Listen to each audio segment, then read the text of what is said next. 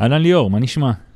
בסדר, אלכס, מה קורה? מה הולך? וואו, טוב, קודם כל אני שמח לחזור. עכשיו היה לי איזה שלושה שבועות, ששבועיים הייתי באיזה נסיעת עבודה, ועוד uh, שבוע עכשיו ישראמן.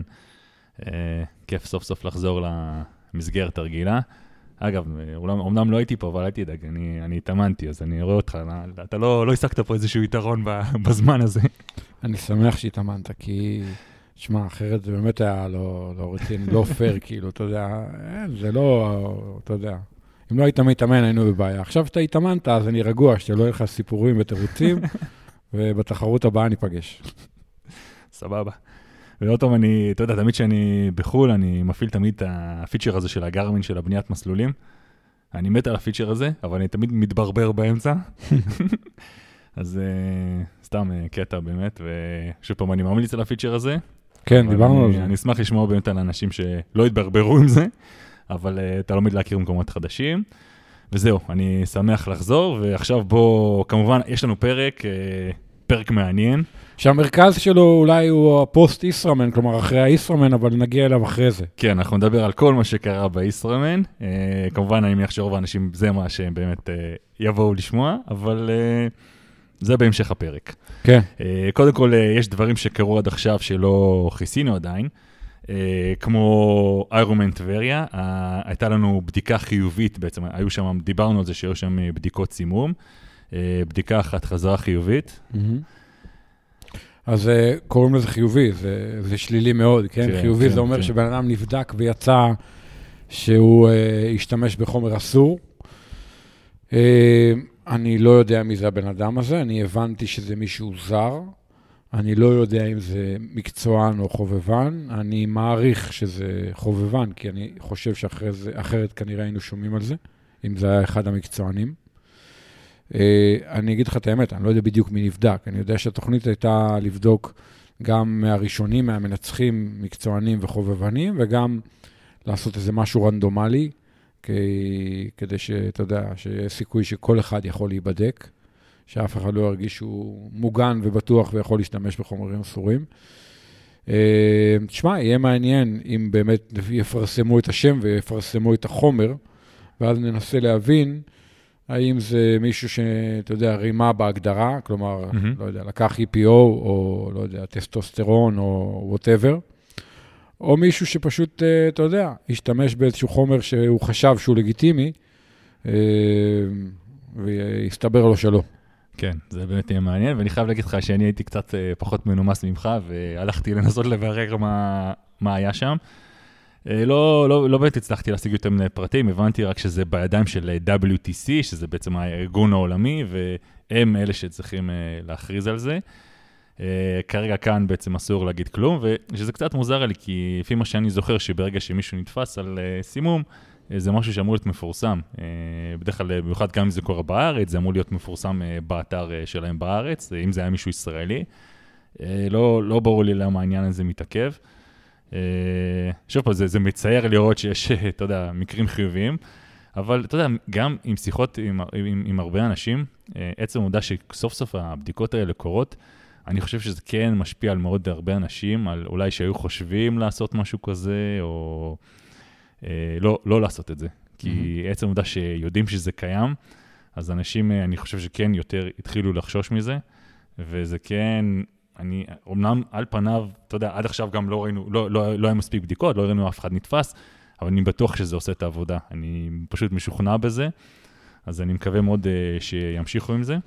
ואנחנו גם נדבר, אגב, היה גם בדיקות בישראמן. Uh, אף אחד לא, ראיתי דווקא אנשים כתבו שלא היה בדיקות וזה, אבל היה גם בדיקות בישראמן, וזה לא מהמארגנים, זה ממקור ראשון, שאתה יודע, זה מדניאל.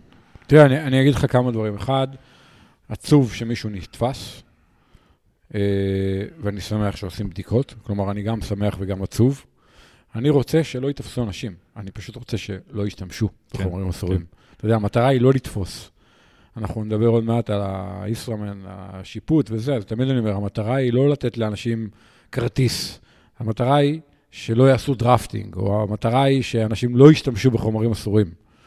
אה, ובישראמן אני יודע שגם עשו בדיקות לאנשים לפני, כלומר, נכון. אנחנו מדברים כל הזמן על הבדיקות אחרי תחרות, כלומר, בסוף התחרות, אבל אנחנו יודעים שהרבה ספורטאים משתמשים בחומרים אסורים לאורך השנה, וזה נותן להם יתרון, כי הם יכולים להתאמן יותר הרבה ולהתאושש וכדומה.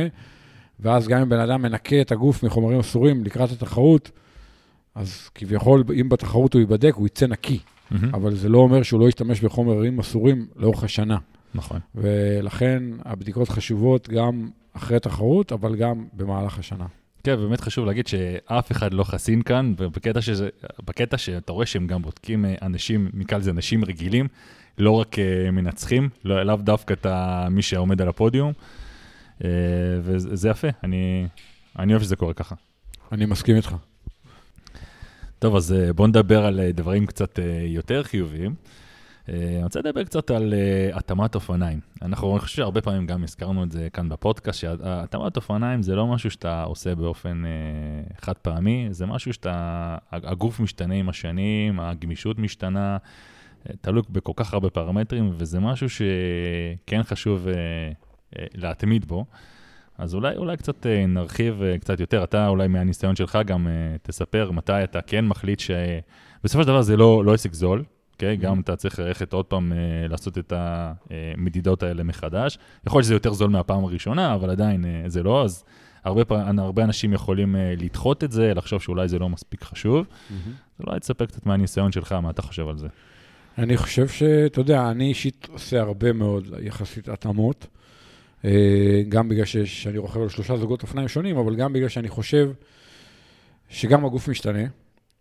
קודם כל הגוף במקרה שלי כבר מתבגר, ואז לפעמים אתה יכול לשבת בתנוחה פחות קיצונית ממה שיכולתי פעם, כי אני פחות גמיש, ואתה יודע, דברים כאלה.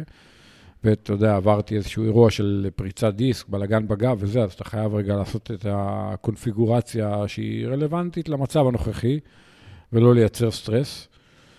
חוץ מזה, אני מאוד אוהב לעשות התאמות לפני תחרויות ספציפיות. אני חושב שלפעמים, נגיד סתם, כשאתה הולך לישראמן, אז אתה רוצה לשבת אולי בתנוחה שהיא מאפשרת לך לטפס יותר ביעילות. Mm-hmm. וכשאתה הולך לתחרות סופר מישורית, נגיד כמו שאתה הולך לאיירומן המבורג, הבייסבר הוא, הוא כמעט לא רלוונטי, אתה לא תשתמש בבייסבר למעט אולי בפניות או דברים כאלה, אבל אתה 99% מהזמן תהיה על האירובר, ואתה רוצה תנוחה שהיא כזאת שאתה יכול לשבת הכי מהר שאתה, זאת אומרת, לנסוע הכי מהר שאתה יכול, מצד שני שיהיה לך נוח, כי אתה הולך להיות פשוט המון שעות על האירובר. כן, וגם פה גם, אגב, תמיד באמת נשאל, נשאל, נשאלת השאלה לגבי הנוחות מול האווירודינמיות, mm-hmm. ולפעמים, הרבה פעמים, שאתה, ככל שאתה ספורטאי יותר הישגי, ככה אתה תקריב יותר את הנוחות הזאת ותהיה כביכול מוכן יותר לסבול אה, ולשבת בצורה פחות נוחה. ואני טוען, נניח אם אתה באמת בא עכשיו לפיטר, לבן אדם שמכוון אותך, ואתה אומר לו, תשמע, למרות שזה לא נוח, תכוון אותי פשוט יותר אווירודינמי, אה, האם דברים כאלה באמת קורים, ואני דווקא חושב שבארץ זה פחות, אה, משהו שפחות מקובל. אה, רוב האנשים, אני חושב שמגיעים למצב הזה, כן מכוונים את עצמם כדי להגיע למצב הזה. לעשות fine tuning כאילו. כן, ואני לא דווקא בטוח שזה דבר לא טוב, כי בסופו של דבר כל אחד ומה שהוא רוצה להשיג. אבל, אבל אני כן, אגב, חושב שבארץ רוב המכוונים, מכוונים אותך על הצד הבטוח.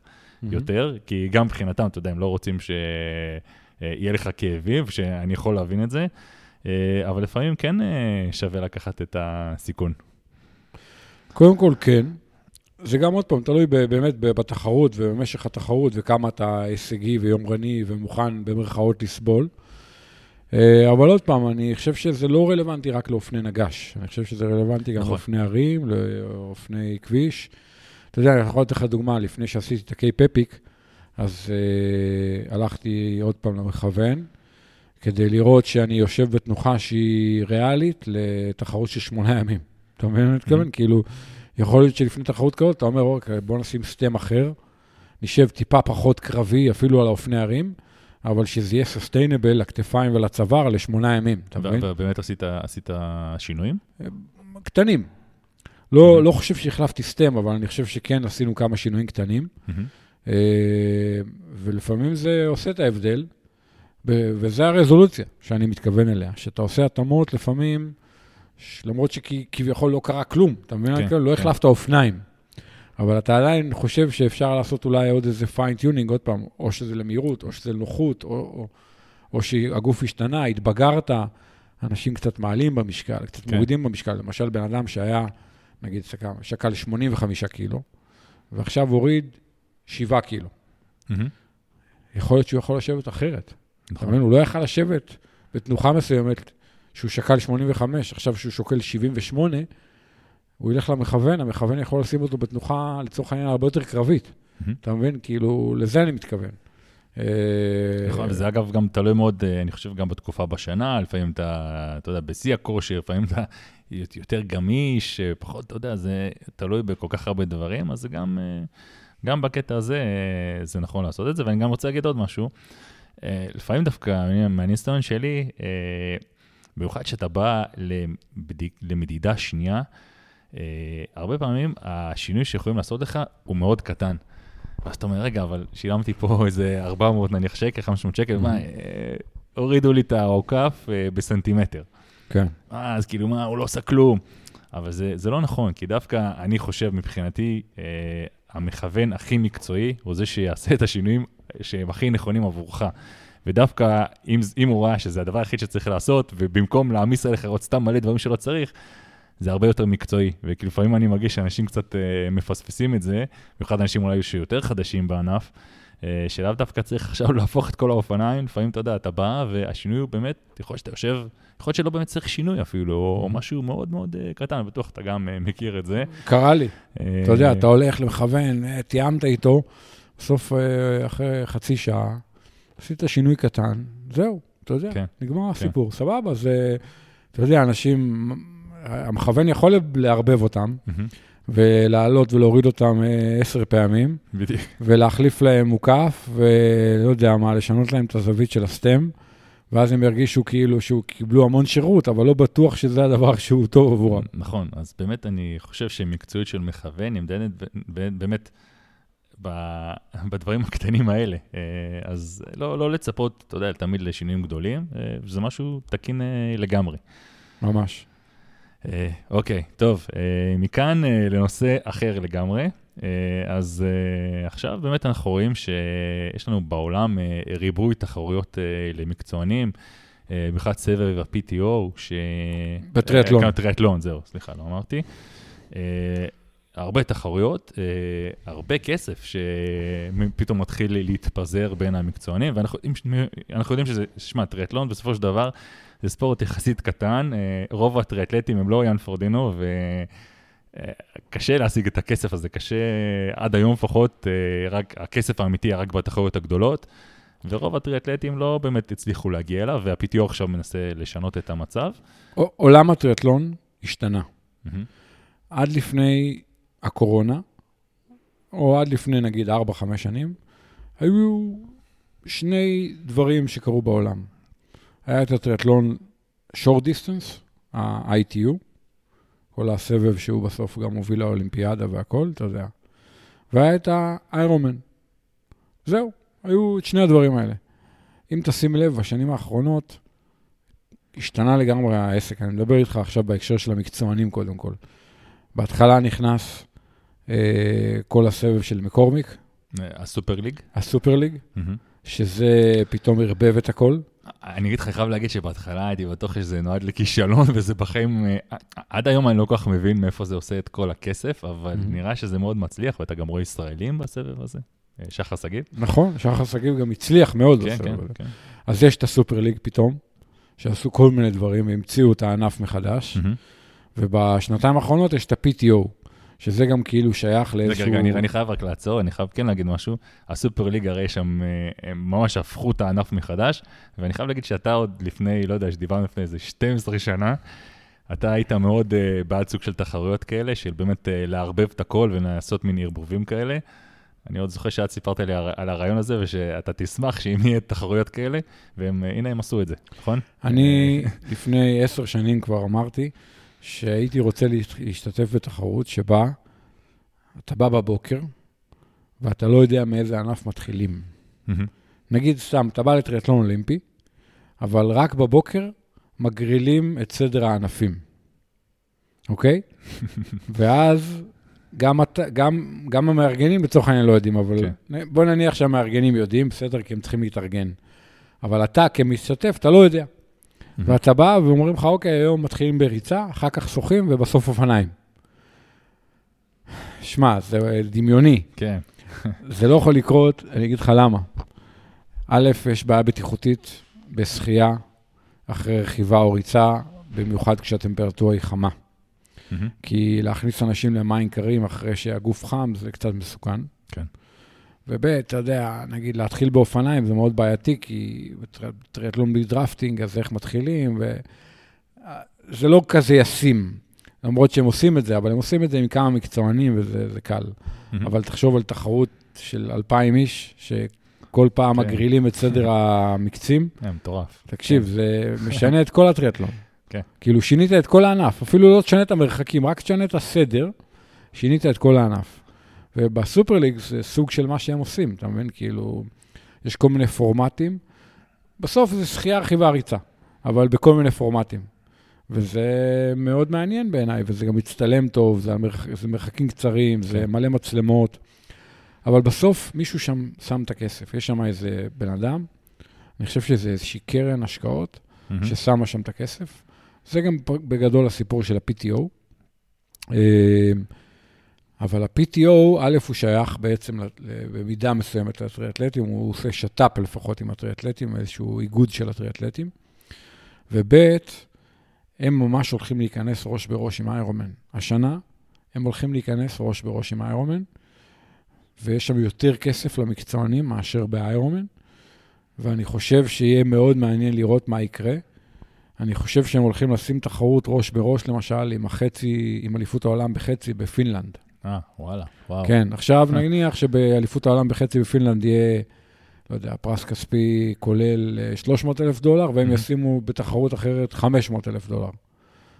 יכול להיות שאתה תראה הרבה כן. מקצוענים הולכים נכון. ל-PTO, אתה מבין? כאילו, פתאום תראה שקורה משהו. כן, גם חשוב להגיד שהם נראה לי, הם, אם אני זוכר נכון, הם מחלקים את הכסף אה, להרבה יותר מקומות אה, אחורה. לא ה-20 רק... הראשונים, ה-20 הראשונים. לדעתי מקבלים כסף, ויש לך בכל מקרה appearance fees של 2,000 דולר לדעתי, זאת אומרת, אם באת להשתתף, אתה מקבל 2,000 דולר כדי לכסות לך את הטיסה והמלון. שזה כן. יפה מאוד. נכון. הרבה מאוד מתקשים, אתה יודע, לא כולם... כן, כן. אז, אז זה בהיבט הזה. במקביל, הענף השתנה, המקצוענים, תקשיב, הם התחילו להרוויח הרבה יותר כסף. כלומר, בסוף אני הסתכלתי, uh, טורנסן, חוץ מזה שהוא עושה ניתוח של תחרויות ותוצאות וזה, הוא גם עושה ניתוח של כספים. Mm-hmm. והסתכלתי על ה, כל האנשים והגברים המקצוענים uh, בטריאטלון, שמע, הרבה מהם עושים כבר שש ספרות, אה, מכובד. וואו. לא עושה ספרות, אתה יודע, 100 אלף דולר עגול, אלא יותר מזה, גם 100 אלף דולר זה לא רע, אבל אתה יודע, תחשוב שזה רק הפרסים הכספיים, חוץ מזה יש להם חסויות, אבל... שמע, אני אומר לך שלהיות ריאטלט בשנים הקרובות, כרגע ובשנים הקרובות, זה כבר מתחיל להתקרב לספורט מקצועני ברמות הגבוהות של כספים. אה... לא. פורמולה 1, כדורגל, כדורסל, אה, אתה יודע, וכאלה, וטניס, אבל כבר לא רע, כאילו, כבר אה, באמת מספרים יפים. אני, עדיין לא חושב כמוך, אני עדיין חושב שאולי. רק באמת הטובים, בסופו של דבר, הם אלה שמרוויחים מזה. אה, שוב, זה כן נותן לך מוטיבציה להיות טוב יותר, להשקיע בזה יותר, אבל בסופו של דבר, כדי להגיע לשם, כן צריך הרבה תמיכה, וגם כן צריך, שמע, אנחנו יודעים שזה ספורט לא זול. Uh, אני ממש, כל פעם שאני אומר את זה, אני נזכר, ב, אתה יודע, הייתי ברוט עכשיו, uh, ואני זוכר שם, לא יודע, מספר 13 כזה, שהיה פרו, אף אחד לא מכיר אותו. ראיתי אותו אחרי התחרות, אוסף בקבוקים מהכביש, שיהיה לו בקבוקים. Hmm. אתה יודע, אז אני מקווה מאוד שזה משהו שכן יעזור לענף. Uh, אני לא יודע אם זה מספיק, אני מרגיש שעדיין, זה ענף בסופו של דבר שקשה גם לסקר מבחינת, אתה יודע, מספר השעות שכל תחרות עורכת. זה, זה, זה מצטלם, אולי זה מצטלם טוב, אתה, לא, זה לא משהו שאתה יכול לשדר בשידור חי לאורך כל הזמן, שאנשים יעקבו, יעקבו וזה אומר שגם החסויות, יש פחות חסויות, כביכול פחות כסף. Uh, אני כמובן מקווה שזה משהו שישתפר, אבל uh, אני עדיין מרגיש שאנחנו לא שם, אני כן שמח אבל שיש uh, את הדברים האלה. נניח אם היית שואל אותי לפני שנה, שנתיים, הייתי אומר לך שה-PTO הזה לא הולך, לא הולך לשום מקום. וגם מעניין אותי כמה זמן האנשים, הכסף בעצם, אה, מי שלפחות שם שם את הכסף, אה, כמה זמן זה יימשך. נכון, אני מסכים איתך, זאת השאלה הגדולה. אבל בינתיים, אני אומר לך, הם עושים כסף. ה top, כמה עשרות ב top, עושים כסף הרבה יותר מאשר בשנים האחרונות. כן, ושמע, כעובדה גם אתה רואה שבאים לשם חבר'ה רציניים, אתה רואה את זה בשדה מתחרים שמגיעים לכל תחרות. ושמע, ומה שאמרת עכשיו עם פינלנד, לא, לא הכרתי את זה, אבל אם באמת יעשו משהו מתחרה על אותו יום, זה גם הצהרת כוונות, וזה גם אה, באמת אה, ממש אה, יהיה מעניין לראות לאן זה מתפתח. כן, כן, לגמרי. אחלה, טוב, אז בואו בוא נחזור אולי קצת אה, לארץ. לפני שנדבר על הישראמן, אה, בואו נדבר רגע קצת על התחרויות שהולכות אה, להיות ממש אה, בקרוב. אה, תראה, קודם כל בקרוב יש, יש את המרתונים בישראל. Mm-hmm. היה את טבריה, יש את תל אביב וירושלים. אה, תל אביב ממש בעוד חודש, לדעתי, לקראת סוף פברואר. Mm-hmm.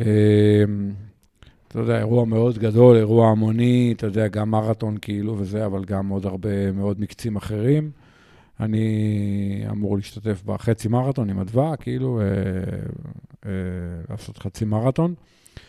אה, לדעתי פלייטיקה לקחו שם את החסות השנה, ואתה יודע, זה חברה, חברה. Mm-hmm. אה, אחרי זה יש את הסמרתון, תחרות אופני ערים אה, רב-יומי, אתה יודע, אה, יש את הקיי-פפי כל שנה בסתיו, והסמרתון אה, כזה בתחילת האביב. השנה הוא טיפה יותר מאוחר, הוא במרץ. רגע, זה גם זוגות או... זוגות, כן, זוגות, שלושה ימים במדבר. הם עשו השנה קונספט קצת שונה לפרולוג, הפרולוג הוא בסטראבה, איזשהו מקטע בבן שמן. אה, ברצינות? כן. מה, מה זאת אומרת, שכל אחד עושה כל אחד הולך מתי שהוא רוצה ושולח להם תוצאות בסטראבה. זה לא קובע, זה לא נכנס לשקלול זמנים, אבל זה רק ממקם אותך בבוקס ליום הראשון, כאילו. יש את הקטע של הבוקסים, איפה אתה בזינוק. לדעתי זה מאוד בעייתי. אני גם חושב. אנחנו דיברנו פה הרבה על הדברים האלה. כן. לא יודע כמה זה חכם, אבל אה, אוקיי. לא, זה... בוא, בוא נניח שהם לא, הם לא נאיבים. נימי יודע שיש סיכוי שאנשים ירמו בזה. אה, אז זה הסמרתון. אה, אחר כך אה, ראיתי שהישראמן פרסמו על חצי באפריל בכנרת. שזה אומר שסוף סוף החצי הזה שהרבה שנים השתתפנו בו, עמק הירדן כן. בעצם חוזר, גם הבנתי כן. שזה בחוף צמח, הרכיבה שם על הכביש הרגיל, כן. היה ריצה במטעים. כן. אז זה מגניב, אני שמח לשמוע שזה... הפורמט שאתה ואני מכירים והשתתפנו בו, ואתה יודע. אה, אז כן, אז יש את החצי באפריל. רגע, אני חייב לשאול, אה, מה, יש שמועות לגבי הגלילמן, משהו? לא, אבל לדעתי לא יהיה גלילמן, בטח לא אם יש את החצי של, אה, של שוונג עם האיגוד. אני לא רואה את הגלילמן קורה, אתה יודע, שבועיים אחר כך, או שבועיים לפני, לא משנה, כאילו, אני לא רואה את הגלילמן קורה. אולי הם יעשו משהו אחר בגליל, אתה יודע, לפני, אחרי. יש עוד משהו, פרויקט מעניין ששמעתי עליו, שככה אמרתי שווה לדבר עליו. אמור להיות במאי מסחה אה, חציית הכנרת לאורך. אה, וואו. כמו שאני עשיתי לפני הרבה מאוד כן, שנים, כן. אה, בזמנו עם TI. מה זה, איזה עשר, עשר, כמה זה? זה היה הרבה קילומטרים. 24. 24. זה 21 בקו אווירי, בפועל שחינו 24. וואו. אז יש, לדעתי, בשביעי במאי, הדר בן דרור מארגן את uh, מסחה אה, גם לדעתי מדגניה לכפר נחום או משהו כזה. אני יודע פה על כמה חבר'ה מנופית שככה בודקים אפשרות להשתתף, ודיברו איתי. אה, אז זה גם, אתה יודע, אירוע, זה לא אירוע גדול, זה בסוף מוגבל בטח לכמה עשרות אנשים כן, גג. כן, אני מניח שגם כמה אנשים אה, הולכים למרות ששחיינים, לשחיינים נראה לי זה כן, מעניין. כן, אתגר, כבר כמה אנשים דיברו איתי, אנשים שונים. אז גם זה, אני יודע, הולך לקרות. אה, קיצור, יש, יש עניין, יש אירועים, דברים קורים, זה יפה. מגניב, מעולה, ואנחנו כמובן ש... שזה יקרה, אנחנו נדבר על זה. בטוח. אחלה, טוב. אז uh, הגענו לזה, אנחנו הולכים לדבר על הישראמן. Uh, טוב, קודם כל, לא היה משעמם. לא. כמו כל שנה. הישראמן מייצר דרמה.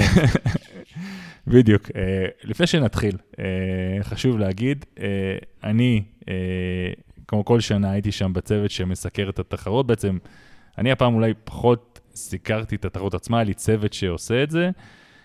אני הייתי בעצם בשידור של ערוץ הספורט, וליאור הוא מאמן של קבוצה, זדון שלוש, שיש לו הרבה חבר'ה שמתחרים בתחרות. אז לפני שאנחנו מדברים על זה, מבחינת אובייקטיביות, אני חושב שננסה להיות כמה שיותר אובייקטיביים כמו תמיד, אבל חשוב להגיד את זה. ממש, אני מסכים איתך. תראה, אובייקטיביות, אני חושב שהמושג אובייקטיביות הוא, הוא בעייתי מראש. Mm-hmm. רק מכונה יכולה להיות אובייקטיבית, בן אדם לא יכול להיות אובייקטיבי בשום דבר שהוא uh, עושה. Mm-hmm. Uh, לכל אחד יש את הדעות שלו, מחשבות שלו, תפיסות שלו וכדומה. אבל אני כן יכול להגיד לך, mm-hmm. אני מאוד אוהב את הישראמן. יש לי פינה חמה בלב, אני, אתה יודע, השתתפתי בישראמן uh, כמה פעמים, ואתה יודע, כולל הפעמים המיתולוגיות של 2009 עם הסופה, 2012 עם הקיפאון, ו-2015 עם הקרב שהיה לי שם על המסלול, אה, אתה יודע, על הניצחון מלא בישראלים. ואני יכול להגיד, אתה יודע, שהישראמן בהרבה מובנים בנה אותי כספורטאי, אולי גם כמאמן, ואני, אתה יודע, יש, תמיד אני אומר, יש לי יחסי אהבה-שנאה עם התחרות הזאת, כן. אבל היא בהחלט תחרות מאוד משמעותית בענף.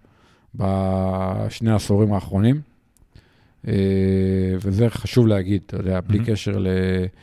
אה, אתה יודע, מי מארגן אותה, אם היא כן איכותית, לא איכותית, כמה משתתפים יש, כאלה דברים קורים, דברים אחרים קורים, זה חשוב להגיד. כן, ואני גם רוצה להגיד שבסופו של דבר, כל אחד מאיתנו כאן יגיד uh, את הדעה שלו על התחרות. ש... זה הפודקאסט שלנו, אז מותר לנו. חד משמעית. אוקיי, טוב, אז uh, קודם כל, uh, בואו נדבר ככה מבחינת התפאורה. Mm-hmm. שחד משמעית אני רוצה להגיד שרואים שאיירון מן uh, דחק פה חזק מאוד בישראמן, ומבחינת התפאורה uh, הרמה באמת עלתה והייתה סופר גבוהה. גם כל מיני דברים קטנים שהם עשו בימים של התחרות, ואולי הדבר שאני הכי, הכי חייב לציין זה שטח ההחלפה שם, ש... אתה יודע, פעם אה, זה באמת היה על אספלט, ועם כל השטיחים הוורודים שהיו פרוסים שם, ומלמעלה באמת זה נראה, אם, אתה יודע, אפילו אם משווה את זה לתחרות בינלאומיות, זה אולי מהרמות הכי, הכי גבוהות שיש mm-hmm. אה, אה, במראה, ובאמת אני חושב שהושקע שם הרבה מאוד אה, מחשבה באיך שזה נראה. כן, תראה, אני, אני בתחרויות מפריד בין mm-hmm. שני דברים. שקצת קשה להפריד ביניהם, אבל אני כל הזמן משתדל להפריד ביניהם. אה, מקצועיות ומעטפת. Mm-hmm. גם כשאני בא אפיק, לאפיק ישראל, לאיירומן בחו"ל, להוואי, ל... לא משנה, תחרות אופניים, אני תמיד אומר, אוקיי, איך היה באופן כללי? המעטפת, היה לי כיף, האקספו, התפאורה. השער סיום, איזה merchandise קיבלתי, פה, שם, ואיך היה הממשק של התוצאות, איך... זה המעטפת, אני קורא לזה. והמקצועי זה האם ה race, התחרות עצמה הייתה מלוטשת, מקצועית. כן, אז פה דווקא אני רוצה שאולי נדבר על זה בחלקים, אה, על כל חלק אולי בנפרד, ונגיד... לא, לא, אז אה, אין בעיה, אני, אני רק אסיים את הקטע הזה. תראה, למשל הייתי באקסטרה. האקסטרה, המעטפת, האמת, לא מטורפת. כאילו די פשוטה. Mm-hmm. אין פאקים וזה, כלומר, קיבלתי את ה... נגיד, את ערכת הרשמה שלי תוך שלוש דקות, או אתה מבין כן? כאילו, זה היה בסדר, זה לא שלא היה טוב, אבל זה לא מפונפן, זה לא תפאורה מטורפת. אתה רואה שהדגש כאילו על המקצועי, אבל המקצועי הוא פיקס, אתה מבין? כן, כן. התחרות מדויקת, מלוטשת, הרייס עצמו הוא חבל על הזמן. המעטפת, היא אחלה, אבל היא לא, לא מרשימה ולא, אתה יודע, בטח לא קרובה לאיירומן או משהו כזה. Mm-hmm. ולכן, זאת ההפרדה שאני תמיד עושה. אני יכול להגיד לך עוד פעם, המעורבות שלי נגיד באיירומן טבריה, אז אני לא מעורב במעטפת, למרות שבשנה הראשונה הייתי קצת מעורב, כן, כי הם לא ידעו הרבה דברים, אתה יודע, לא יודע, על מדליות, או על, אה, לא יודע, אה, מגנים, או על טקסים, או על אקספו, ווטאבר, אבל mm-hmm. בשנה השנייה לא הייתי מעורב בזה בכלל. אני מעניין אותי הרייס, שהרייס יהיה טוב. מדויק, מלוטש. כן. ו... וזה האג'נדה שלי. אני דואג לרייס, לא מעניין אותי המעטפת. ולכן גם בישראמן, אני תמיד, כששואלים אותי מה אני אומר, אז אני עונה את התשובה שלי ב... באמת בשני חלקים. Mm-hmm. החלק של ה-low race והחלק של ה-race itself. אתה מבין מה אני מתכוון? כן. והרבה שנים היה לי ביקורת על הישראמן ברייס איצלף, mm-hmm. לא במעטפת. השנה הם שדרגו מאוד את המעטפת, אין שאלה. אבל המעטפת גם ככה לדעתי הייתה טובה, היא הייתה השנה עוד יותר טובה. Mm-hmm. כלומר, הממשקים, הנראות, הסדר, הניקיון, ה... ללא ספק. על הרייס איצלף, אני חושב שבשנים האחרונות היה להם כמה תקלות, וגם mm-hmm. השנה הייתה להם כמה, היו כמה תקלות. כן, אז אנחנו, אנחנו בטח נדבר על זה עוד מעט. אה, אז בואו בוא באמת נתחיל, אני חושב שבהתחלה נתרכז באמת בתחרויות של העילית. אה, נתחיל אולי מהחצי, גברים, נשים, ואז נדבר על המלא, ואז נדבר על הקבוצות גיל. אה, אז קודם כל, באמת, החצי, חצי עילית. אז כבר שם הייתה בעיה. כבר בזינוק, כבר בשחייה עצמה, החבר'ה מקדימה התבלבלו, כנראה, לא יודע, או שהמצוף זז או משהו בסגנון, אה, ואני חושב שהם שחו פחות 200, 200, בין 200 ל-300 מטר פחות. שוב פעם, זה נראה שזה הטעות. להבנתי הם קיצרו מצוף אחד. קיצרו מצוף, קיצרו מצוף, כן. זה מה שהבנתי, אני כן, לא... כן, כן, זה כנראה, זה כנראה שזה נעשה בתום לב. אתה יודע, המשיכו את התחרות. שחשוב להגיד שהשופטים אה, כן שמו לב לקיצור הזה, ואנשים התריעו על זה. אה, ופה מתחיל כבר העניין הזה של המקצועיות השיפוטית, נקרא לזה, שזה אולי, אנחנו נמשיך לדבר על זה, אבל זה משהו שלי אישית אה, הפריע מאוד, ואני מרגיש שהמקצועיות השיפוטית הזאת, אני ככה, לא יודע, זה נכון לקרוא לזה ככה, היא, היא, לא, היא לא שם. אה, גם דוגמה שקרה הדבר הזה, אז אני מרגיש שאולי גם התקשורת בין השופטים עצמם, זאת אומרת, נניח וקרה הדבר הזה, שזה יכול לקרות, אוקיי? אז אני מניח שזה משהו שאמור לגרור uh, תוספת זמן. Mm-hmm. התוספת זמן הזאת לא קרתה בסוף, בשום מקום. עזוב שכרגע התוספת זמן הזאת, אם אתה מחשב את זה, זה לא באמת היה משפיע על, uh, על התוצאות בתחרות הזאת. כן, כי אתה מוסיף okay. אוקיי? זמן לכולם אותו דבר. אתה מוסיף זמן לכולם אותו דבר, וכנראה המנצחים היו אותם מנצחים. אה, שיא המסלול, היה אותו שיא מסלול, אה, במצב הזה כנראה שכן. אבל שוב פעם, זה עוד משהו קטן שאיכשהו אה, התמסמס, נעלם לו, אולי, לא יודע. אה, אז זה, לדעתי, מקצועיות אה, שיפוטית. אז בוא אני אספר לך משהו. Mm-hmm. לפני, אני לא יודע אם אתה זוכר, לפני איזה ארבע שנים, דעתי, בישראמן המלא, כל הראשונים קיצרו, מצוף. Mm-hmm. היו שם איזה 40-50 חבר'ה, כולל חבר'ה שאני מכיר, כולל חבר'ה שאימנתי. Mm-hmm.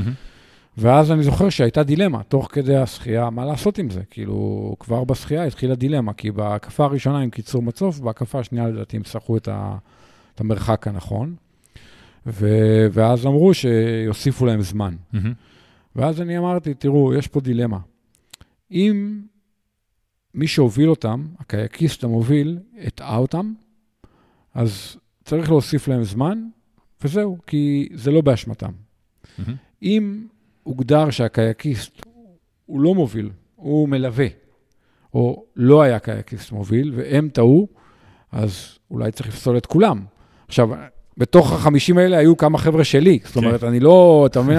אף אחד לא יכול להגיד לי שאני רוצה לפסול אנשים. אני לא רוצה לפסול, בטח לא אנשים שאני מאמן כן. וזה. אבל אחת השאלות זה מה הגדרת הקייקיסט. כי גם פה, השנה לדעתי, היה שם קייק. השאלה כן. אם הקייק כן. הוא, מה התפקיד שלו? אם הוא מוביל והוא הוביל אותם לא נכון, אז אתה מוסיף להם זמן, כי, כי זה, אבל אתה לא יכול לפסול אותם. Mm-hmm. אם, אם הם עשו את זה, ואז השאלה גם כמה אנשים עשו כן. את זה. אז זהו. ואם מישהו אחר שחה את המרחק הנכון, נכון. אז מה, אז הוא אכל אותה? כן. כן, בגדול כן.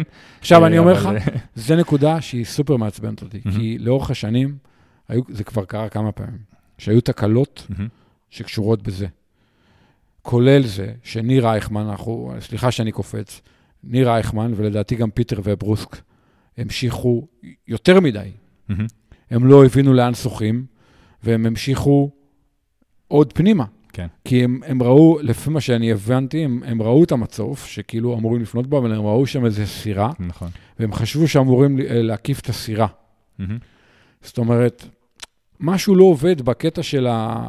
או, או בניית מסלול, תכנון מסלול, mm-hmm. או בקטע של התדרוך, או בקטע של הניהול מסלול. אבל, כן. אתה מבין, אני לא חושב שאנשים, כאילו, זה לא אמור לקרות. אתה מבין? כאילו, למה הם צריכים להגיע למצב הזה שהאלה המשיכו יותר מדי, ואלה קיצור מצוף, ואת זה צריך לשפר. לא, במיוחד בים כמו אילת, כן, זה לא, אין, אין, שם, אין שם גלים שפתאום מסתירים לך את המצוף. ובאמת, אני חושב שהשחייה הזאת באמת, אה, כל פעם התכנון של המסלול שחייה הזה, כל פעם עולה כל שנה עם כל מיני דברים אחרים. אני, אני עוזב רגע גם מה שהיה בקבוצות הגיל, שאיכשהו תמיד קורה מצב שבאים ראש לראש, אלה שחוזרים, מתנגשים באלה שמגיעים, שזה גם נושא... היה חסר שם מצוף, אתה מבין? אני כן, עמדתי כן. על החוף. שמע, כן. המצוף הראשון, המצופים הראשונים, היו רחוקים מדי. ואז בדיוק זה מה שאתה מתאר, זה מה שקרה. אלה שחזרו מההקפה הראשונה של המלא, התנגשו בכאלה שאתה יודע, ש, שבדיוק זינקו. כן. ו... או, או התנגשו בכאלה שיצאו להקפה השנייה. כל מיני דברים כאלה, אתה מבין? זה פשוט היה חסר שם שני מצופים. אז עוד פעם, משהו שם בקטע של השחייה, הוא... כן, אז אני לא יודע, יכול להיות שהמצופים זזו, אני לא יודע מה, מה, מה בדיוק קרה שם, אבל uh, אתה יודע, uh, זה משהו שבוודאות אני בטוח שזה יתוחקר, כי זה... אגב, צריך להגיד בהקשר הזה משהו. יש בעיה עם אילת, אובייקטיבית. המים באילת הם מאוד מאוד עמוקים. עכשיו, למה אני אומר את זה? בואו קח איירומן פרנקפורט. איירומן פרנקפורט זה אגם שלדעתי המקום הכי עמוק שלו הוא שלושה מטר. כן. אז יום לפני הם ממקמים את כל המסלול שחייה, כי זה לא אגם שהוא משמש לתנועת אוניות וכא, וכאלה. Mm-hmm. אז א', הם ממקמים את כל המסלול שחייה, ב', למחרת הם באים, המסלול עומד במקומו. שום מצוף לא זז, כי זה לא אגם עמוק, זה לא ים. Mm-hmm. באילת, צריך להגיד, יש בעיה. א', אני לא בטוח שמותר להם למקם את המצופים יום קודם, כי יש שם הרבה תנועת אוניות וסירות כן. וזה. וב', גם אם הם ממקמים יום קודם, אני בטוח שהמצופים יזוזו, כי המים מאוד עמוקים, וכשהמים מאוד עמוקים, קשה לך מאוד למקם מצוף בצורה מספיק טובה כדי שהוא לא יזוז, אתה מבין? Mm-hmm. כאילו, במיוחד אם הים טיפה עולה. אז זה כן צריך להגיד אובייקטיבית, שכאילו, כשאנחנו מעבירים ביקורת על השחייה, כן. צריך לזכור את זה. טוב, uh, בתחרות עצמה, uh, בחצי, בגברים, אז uh, איתמר רשת, שם היה לו תחרות מאוד מעניינת עם איזה בחור צ'כי, משהו סטמפה, אני לא זוכר את השם, את השם שלו. אבל גם, אם אתה זוכר, לפני שנה הייתה גם, היה לו תחרות עם רועי זוארץ, שהיה שם sprint finish בסוף. אז פה באמת, הוא איכשהו היה עם הצ'כי כל הזמן צמוד אליו עד, עד הירידה לכיכר מרידיאן. ושם הוא דווקא עשה אה, את הבריחה שלו כלקח משנה קודמת. אה, ואני חושב שבסופו של דבר, על פניו הוא שיפר את התוצאה באיזה 12 דקות משנה קודמת. תחתוך רגע את ההוספת זמן אה, של השחייה, ועדיין... המסלול החדש, יש מסלול חדש. כן, מסלול, נכון, המסלול, אתה צודק, המסלול שונה, אבל עדיין אני חושב שעושה תחרות מאוד יפה, במיוחד שהוא לא כל כך מתמקצע בכלל במרחקים האלה. קודם כל, כן, הוא מאוד חזק ועשה תחרות מאוד יפה. ב', אני ראיתי אותם בכיכר, שהם הגיעו ביחד מלמעלה, ואיתמר היה נראה שכל כך קל לו, והבחור השני היה נראה שהוא כל כך מתאמץ, שהיה לי ברור איך זה ייגמר. וכשהם חזרו לכיכר, אחרי שהם רצו, אתה יודע, אתה הלוך חזור לכיוון ריף הדולפינים, כבר הפער היה מטורף, כאילו, כבר לא, כן, לא, זה כן. כבר נגמר שם, כאילו. הצ'כי אמר אחרי זה שהוא בדיוק הוא רץ עם איתמר, ואז הוא מסתכל על השעון, הוא רואה שהוא כל הזמן ל-3.20, 3.20, הוא אומר, לא, לא, כאילו, אני לא מסוגל לרוץ ככה. כן. הוא פשוט אה, ויתר אה, בשלב מסוים, הוא הבין שהוא לא, לא מסוגל אה, להחזיק את זה. אה... צריך, צריך באמת להגיד משהו על המסלול, כי המסלול הוא, המסלול הוא מסלול חדש. אה, היציאה לרכיבה השתנתה קצת. Mm-hmm. וזה נגיד בקטנה, לא משהו דרמטי, אבל הריצה השתנתה די הרבה. כלומר, אם פעם רצו מכיכר אה, שחמון, קילומטר הלוך, קילומטר חזור, נכון. וחצי, mm-hmm. השנה הוסיפו את המרחק הזה למטה. כן. אה, במקום להסתובב בריף הדולפינים, החצי רצו עוד קצת, והמלא אפילו רצו עוד יותר. עוד אגב, שינוי בעיניי מצוין. הריצה למטה, עכשיו שיש שם טיילת ברוב הדרך והכול, mm-hmm. זו החלטה מצוינת. אז, אז אני אומר, זו נקודה שהם שיפרו בריצה, שהם שינו את המסלול ריצה, במקום בשחמון לרוץ קילומטר הלוך, קילומטר חזור, הם עשו את הקילומטר הזה למטה, במקום להסתובב בריף הדולפינים, המשיכו עוד הלאה.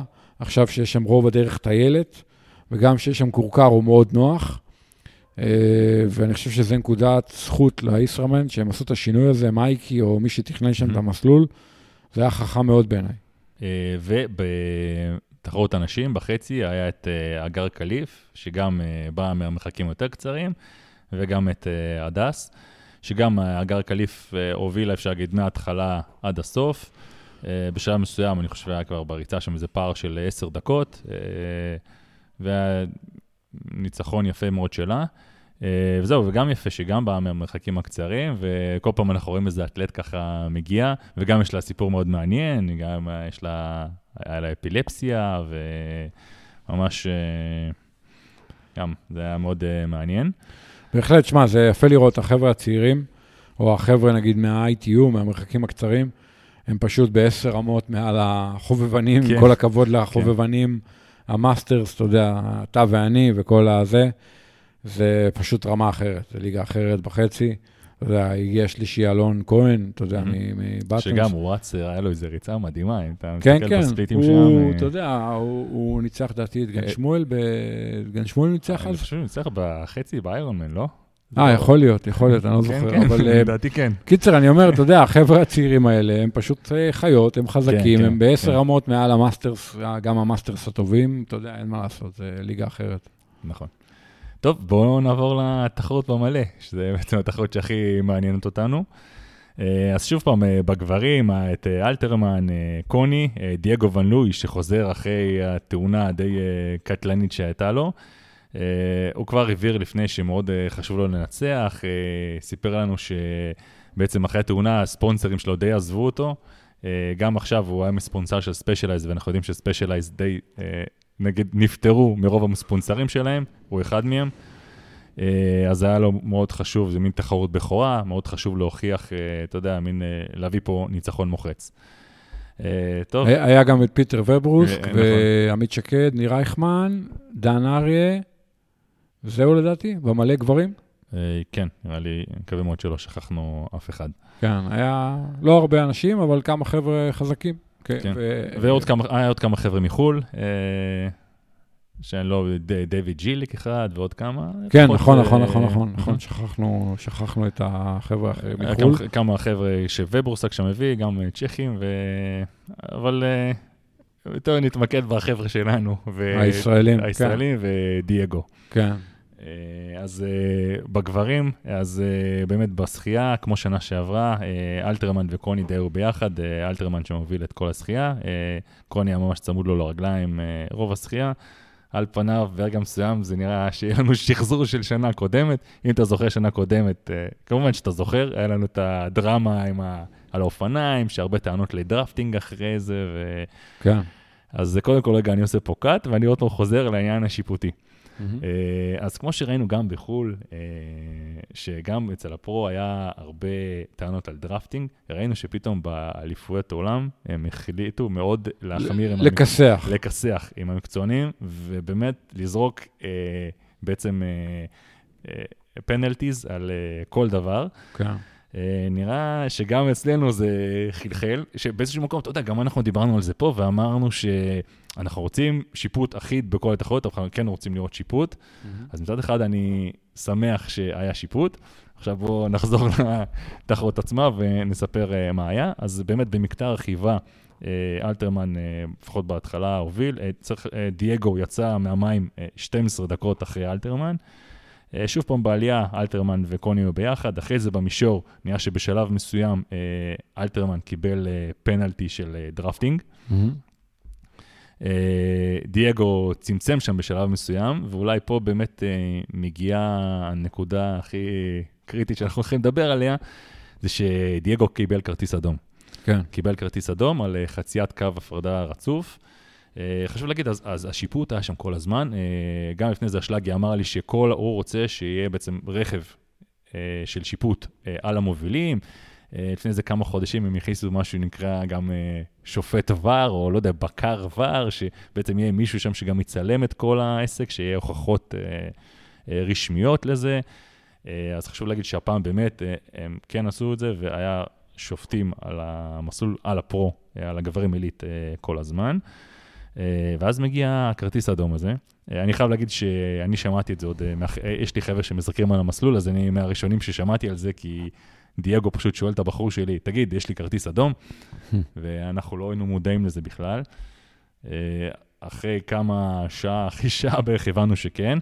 אה, אז אוקיי, אז תגיד, אה, ליאור, כרטיס אדום, מה, מה משמעותו של אה, כרטיס אדום מבחינתך, שאתה שומע שמישהו קיבל כרטיס אדום?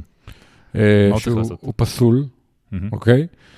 אני לא מכיר שהוא צריך להפסיק את התחרות.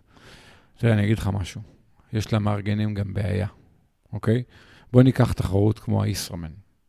בסדר? עכשיו בן אדם קיבל כרטיס אדום בעובדה, אוקיי? עכשיו בוא נניח ש... שמונה אנשים קיבלו כרטיס אדום בעובדה. נכון. מה יעשו איתם? לא, לא אז חשבתי... הבנת מה התכוון? אני מסכים. מה יעשו איתם? אני מסכים, אבל... ישלחו משאית לאסוף אותם? זאת אומרת... לא. בעיקרון, אני יודע שלא לא מונעים מאנשים להמשיך בתחרות מחוץ לתחרות, אוקיי? אז אני חשבתי, אני לפחות, מה שאני הכרתי... חוץ מזה שבן אדם תמיד יכול תיאורטית גם לערער, כן? אה, נכון, אה, אבל אני חשבתי שהבן אדם מגיע ל-T2 ולא נותנים לו להמשיך אה, לריצה. אני יכול להגיד לך שאני, ממה שאני מכיר, המדיניות היא לא, לא למנוע מאנשים להמשיך, כי עוד פעם, אני חושב שגם גם בגלל שבאמת טכנית, יש הרבה פעמים בעיה לאסוף אנשים מכל מיני מקומות על המסלול. Mm-hmm. אני מדבר איתך גם בהקשר של קאט-אופים בתחרויות, אתה מבין? לא רק בהקשר של, אה, אתה יודע, לך, כן. עכשיו יש לך... עשרות אנשים שלא עמדו באיזה cut-off, באיזה מקום, בקיבינימט, באיזה תחרות, לך תתחיל לנייד אותם משם, שזה תמיד בעיה. ב', אה, אנשים תמיד אומרים, רגע, אני שילמתי, תן לי להמשיך, תן לי לסיים. Mm-hmm. זה גם בעיה. אני אומר לך, אין, לדבר שני, הזה, אין לדבר הזה פתרון טוב. אבל מצד שני, כתוב, בח, כאילו, אני, אני לפחות חשבתי שכתוב בחוקה, שאתה יודע, מראש, מראש, כאילו, כרטיס אדום גורר את זה, אז כאילו משפטית, כביכול הם מכוסים בזה שהם יכולים להוריד אותך מהמסלול, אבל... אה, אני. חושב שהם יכולים להוריד אותך מהמסלול, אבל זה לא אוטומטית. אם קיבלת כרטיס אדום, אתה יורד מהמסלול, אתה כן. פסול. היום המדיניות, למיטב הבנתי, בהרבה מאוד תחרויות בעולם, זה לא למנוע מאנשים להמשיך בתחרות מחוץ לתחרות. כמו למשל, אתה יודע, להבדיל, נגיד בקייפ אפיק, אם אחד מבני הזוג פורש, mm-hmm. אז אתה, זהו, נגמרה לך התחרות. כן. אבל נותנים לך להמשיך. לא רק באותו יום נותנים לך להמשיך, אתה יכול להמשיך עד היום האחרון. אתה מבין? Mm-hmm. גם אם הבן זוג שלך פרש ביום השני. אמ, אני חושב שרוב המתחרים שמקבלים כרטיס אדום, עוצרים. כן, כן, כן. עוצרים בעצמם. בגלל זה אני לא, אף פעם לא עוצרים בעצמם, כי הם אומרים, אוקיי, נגמרה לי התחרות, אז אה, בוא אני אעצור, אלך הביתה. חלק מהאנשים ממשיכים. אה, אתה יודע, זה באמת אה, שאלה. אז, אז אוקיי, הוא המשיך, הוא באמת המשיך את כל התחרות. צריך להגיד גם שאלתרמן ריצה את ה... אלתרמן עצר ב penalty box, ריצה את הזמן, גם הצליח לצמצם שם בחזרה. אה, בסופו של דבר, אה, דייגו היה לו פער, אה, בוא נגיד ככה, ל-T2, דייגו הגיע ראשון, אבל אלתרמן הגיע ממש, ממש קשור בשטח, ואלתרמן יצא לפניו לריצה. Mm-hmm. אבל תקשיב, מהרגע של האדום הזה, זה כאילו, אפשר להגיד, ש, אפשר להגיד שהרגו את התחרות בקטע של מה יכל לקרות, מה... כי אלתרמן יודע שהוא קיבל אדום. אז מבחינת אלתרמן הוא פסול. אז כביכול אתה יכול להגיד, אוקיי, אני לא צריך עכשיו אה, לתת הכל. אני, אתה יודע, אני יכול להוריד, ובמיוחד עם המתחרה שלי הרבה מאחורה, זה משפיע על כל הדינמיקה של התחרות. אה, ו... קודם כל, רגע, איפה אלתרמן עשה את, ה... את הפנלטי? אה, אה, איפה הוא עמד? אני חושב שהוא עמד ב-T2 לפני, בסיבוב הראשון. אז הוא הגיע חמש דקות לפני דייגו ל-T2? אני חושב שלפני, הוא היה, כאשר דייגו עדיין לא הצליח לצמצם, הוא, הרי את הפנלטי הוא קיבל על, קוני שהוא ישב. לא, אבל אני שואל איפה הוא עשה את הפנלטי. איפה הוא עמד חמש דקות. לא, ב-T2, אבל יש להם סיבוב, נכון? נראה לי מסתובבים וחוזרים. אז הוא עמד ב-T2 אחרי 90? בפעם הראשונה, כן. כן? כן. זה מה שהבנתי. אוקיי. אה, ואז אה, או שהוא בעובדה, או שבאחד, הוא עמד באחד לא, הקצוות. לא, אני לא חושב שהיה בעובדה penalty box, אני חושב שהיה אה, penalty box רק ב-T2. אז T2, וגם הבנתי שהם לא באמת היו מוכנים בשלב הזה לקבל שם מישהו, שזה גם משהו שאתה יכול להגיד, אוקיי, גם מבחינת קצת ארגון. אבל אוקיי, הוא כן, הוא כן ריצה, הבנתי שהוא כן עמד, כי הרי ברגע צריך להגיד שברגע שאתה מגיע ל penalty box הזה, אה, אסור לך להשתין, אסור לך לעשות, בעצם אסור לך לזוז, אתה פשוט עומד שם, אתה לא יכול לנצל אותו כביכול לאיזשהו יתרון שלך. Mm-hmm.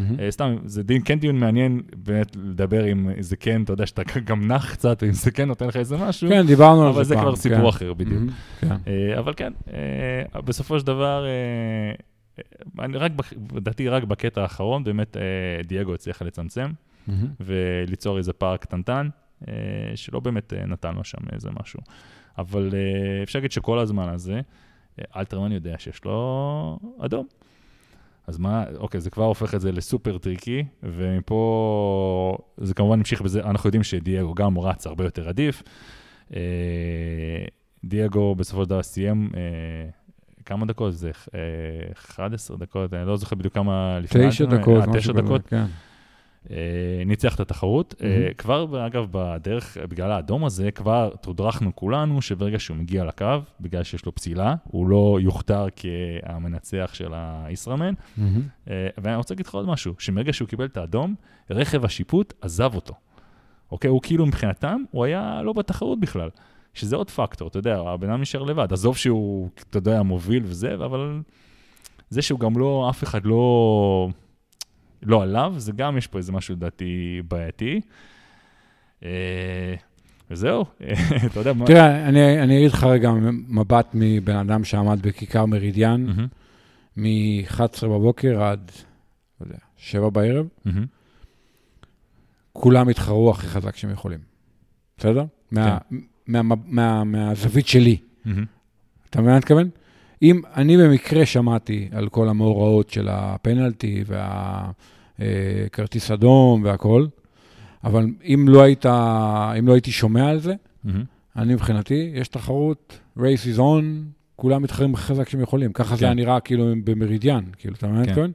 לא ראיתי אף אחד מאט, מחכה, אומר, אין לי מה זה, אני פסול, או ההוא פסול, או אתה מבין כאן? הרי היה נראה ש-the race is on, כאילו full כן, power. כן. אתה מבין כאן? אני מסכים. היה נראה שכולם רצו הכי חזק שהם יכולים. כולם, אני מדבר איתך כולם כולל כולם.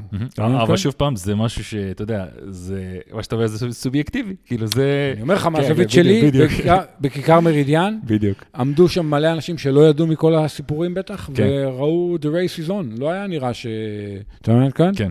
לא היה נראה שמישהו אה, הפסיק להתחרות, או אתה מבין כאן? כן. לא, לא דייגו ולא אף אחד אחר, כאילו. אתה מבין? מהזווית שלי. כן. כמובן, זה הכל ספקולציות. תשמע, זה... ברגע שיש תסבוכת כזאתי, מאוד קשה לצאת מזה. כן, מאוד גם, גם רגע, לא, לא אמרנו בעצם, אה, נרחיב אולי קצת בעצם בפנלטי על הכרטיס האדום עצמו, שמה שקרה אה, לטענתו, שהוא בעצם בא לעקוף כל פעם, אה, הוא נסע. במהירות הרבה יותר גבוהה, בא לעקוף רוכבים מהחצי, בא לעקוף את אלתרמן בשלב מסוים, וכל פעם שהוא היה צריך לעקוף, הוא אומר שאנשים לא זזו. אה, ובעצם בשביל זה הוא היה צריך לעבור את הקו הפרדה, הוא אומר שהוא גם מוטט לשופטים, להגיד לאנשים לזוז, שזה אני מבין, אתה יודע, השופטים ברכב, מה, הם לא יכולים עכשיו, אה, איך הם יגידו לאנשים לזוז. אבל אני כן חושב שכן אפשר לצעוק, יכול להיות שאנשים לא זזו, אבל באמת כל פעם גם לצעוק. אה, תשמע, זה, זה מאוד נושא בעייתי. בוא, בוא נפתח רגע סוגריים. Mm-hmm. יש בעיה בכל התחרויות טריאטלון בעולם, mm-hmm. שבהן מתחרים מקצוענים לצד חובבנים. כן. יש בעיה, זה לא, זה לא כל כך קל. Mm-hmm. בואו בוא ניקח את uh, פרודנו ברוט לפני חמש שנים, שש שנים, שהוא עשה את השיא בזמנו, את ה-Best Ironman Distance uh, Result. Mm-hmm. רצו שהוא ישחה מאוד מהר, ירכב מאוד מהר וירוץ מאוד מהר. נכון. במקביל, יש מלא חובבנים שהם נודניקים, הם גם רוצים לשחות, לרכוב ולרוץ, אז הם מפריעים. Mm-hmm. אז פשוט פינו לו את הדרך בכל דרך אפשרית. כן. עכשיו, זה, כולם זורמים עם זה, נכון? אומרים, זה מדהים, כי כן. פרודנו עשה תוצאה, ואיזה כיף, ואני הייתי שם וזה. איך פינו לו את הדרך? אתה יודע, נוסע אופנוע לפניו, ומפנה לו את הדרך. ואז מתחילות טענות שהמוביל, יש לו יתרון, כי האופנוע נוסע 20 מטר לפניו ונותן לו drafting. אז, אז המקצוענים מתעצבנים. Mm-hmm. וגם החובבנים מתעצבנים, אומרים, למה האופנוע הזה פה עובר, הוא מפריע לי, אני גם משתתף. בת... זה בעיה. Mm-hmm. קודם כל, אובייקטיבית, יש בעיה בכל התחרויות בעולם, mm-hmm. שחובבנים ומקצוענים מתחרים ביחד. מה שנהוג לעשות בהרבה תחרויות, זה באמת לאפשר למקצוענים תחרות כמה שיותר חלקה, נקייה וזורמת, והם תמיד עושים overlap על uh, חובבנים. כן. זה לא משנה אם יש רק מלא, או שיש גם מלא וגם חצי. בכל האיירומן, נגיד, שיש מלא, אז המקצוענים עושים overlap על, על החובבנים. Mm-hmm. ואז בדרך כלל זה באמת שמים אופנוע, שייסע קדימה ויפנה להם את הדרך, כדי שהם יוכלו לנסוע בלי אה, לסכן את עצמם, בלי לסכן את החובבנים שהם עוקפים, ובלי שהם יצטרכו בשאיפה גם לחצות את הקו הלבן, mm-hmm. אוקיי? בהנחה שיש חוק כזה. וזה מורכב. אני אומר לך בתור אחד שהיה השנה על האופנוע בטבריה, וזה מה שניסינו לעשות, לאפשר למקצוענים אה, נסיעה חלקה, ועדיין לאפשר לחובבנים להתחרות בבטחה ובנעימים, כי בסוף גם מגיע להם, הם גם שילמו והם משתתפים בתחרות. אה, וניסינו לא לתת יתרון למוביל, שזה גם מורכב, כי אתה נוסע לפניו עם האופנוע, כן. אז אתה צריך לנסוע הרבה לפניו כדי לא לתת לו דרפטינג. ותקשיב, באיזשהו שלב אתה נוסע, יש מלא אנשים על המסלול, היה גשם וזה, לא משנה. מתחילים להגיע אנשים גם ממול. Mm-hmm. עכשיו אתה עם האופנוע מנסה לתמרן את הדבר הזה, אני אומר לך, זה מאוד קשה, ולא רק זה. אנחנו הובלנו את הראשון, mm-hmm. נסענו נגיד 100 מטר לפניי עם האופנוע, אבל מאחורה היה לנגה ופלוריאן אנגרד וקינלה וכל אלה, להם לא היה אופנוע מוביל, כי אנחנו היינו רק עם הראשון, אתה נכון. מבין? אז אתה מקווה שעדיין החובבנים, הם, זה שצעקת להם ימינה ימינה ותזוזו, הם עדיין נשארו בימין עוד שתי דקות כשיגיעו קינלה, אבל לא בטוח שזה מה שקרה. נכון. אז רק המקצוען זוכה ליתרון סוג של, כי מפנים לו את הדרך. זה אחד. אבל גם צריך להגיד שזה כאילו תחרות אחרת, כן? זה, דיברנו כבר שזה תחרות מקצוענים, זה כאילו סוג של תחרות, אפשר להגיד, אה, כן. נפרדת, אה, אבל כן. עכשיו, אני יכול להגיד לך משהו על שיפוט. אני אומר את זה עכשיו לא רק על טריאטלון, על כל שיפוט, גם בכדורגל וכדורסל, ואתה יודע. בסוף, שופט טוב הוא שופט שלא מדברים עליו אחרי התחרות או אחרי המשחק. Mm-hmm. הוא שופט שהוא מבין שההצגה שייכת לשחקנים, אוקיי? Mm-hmm.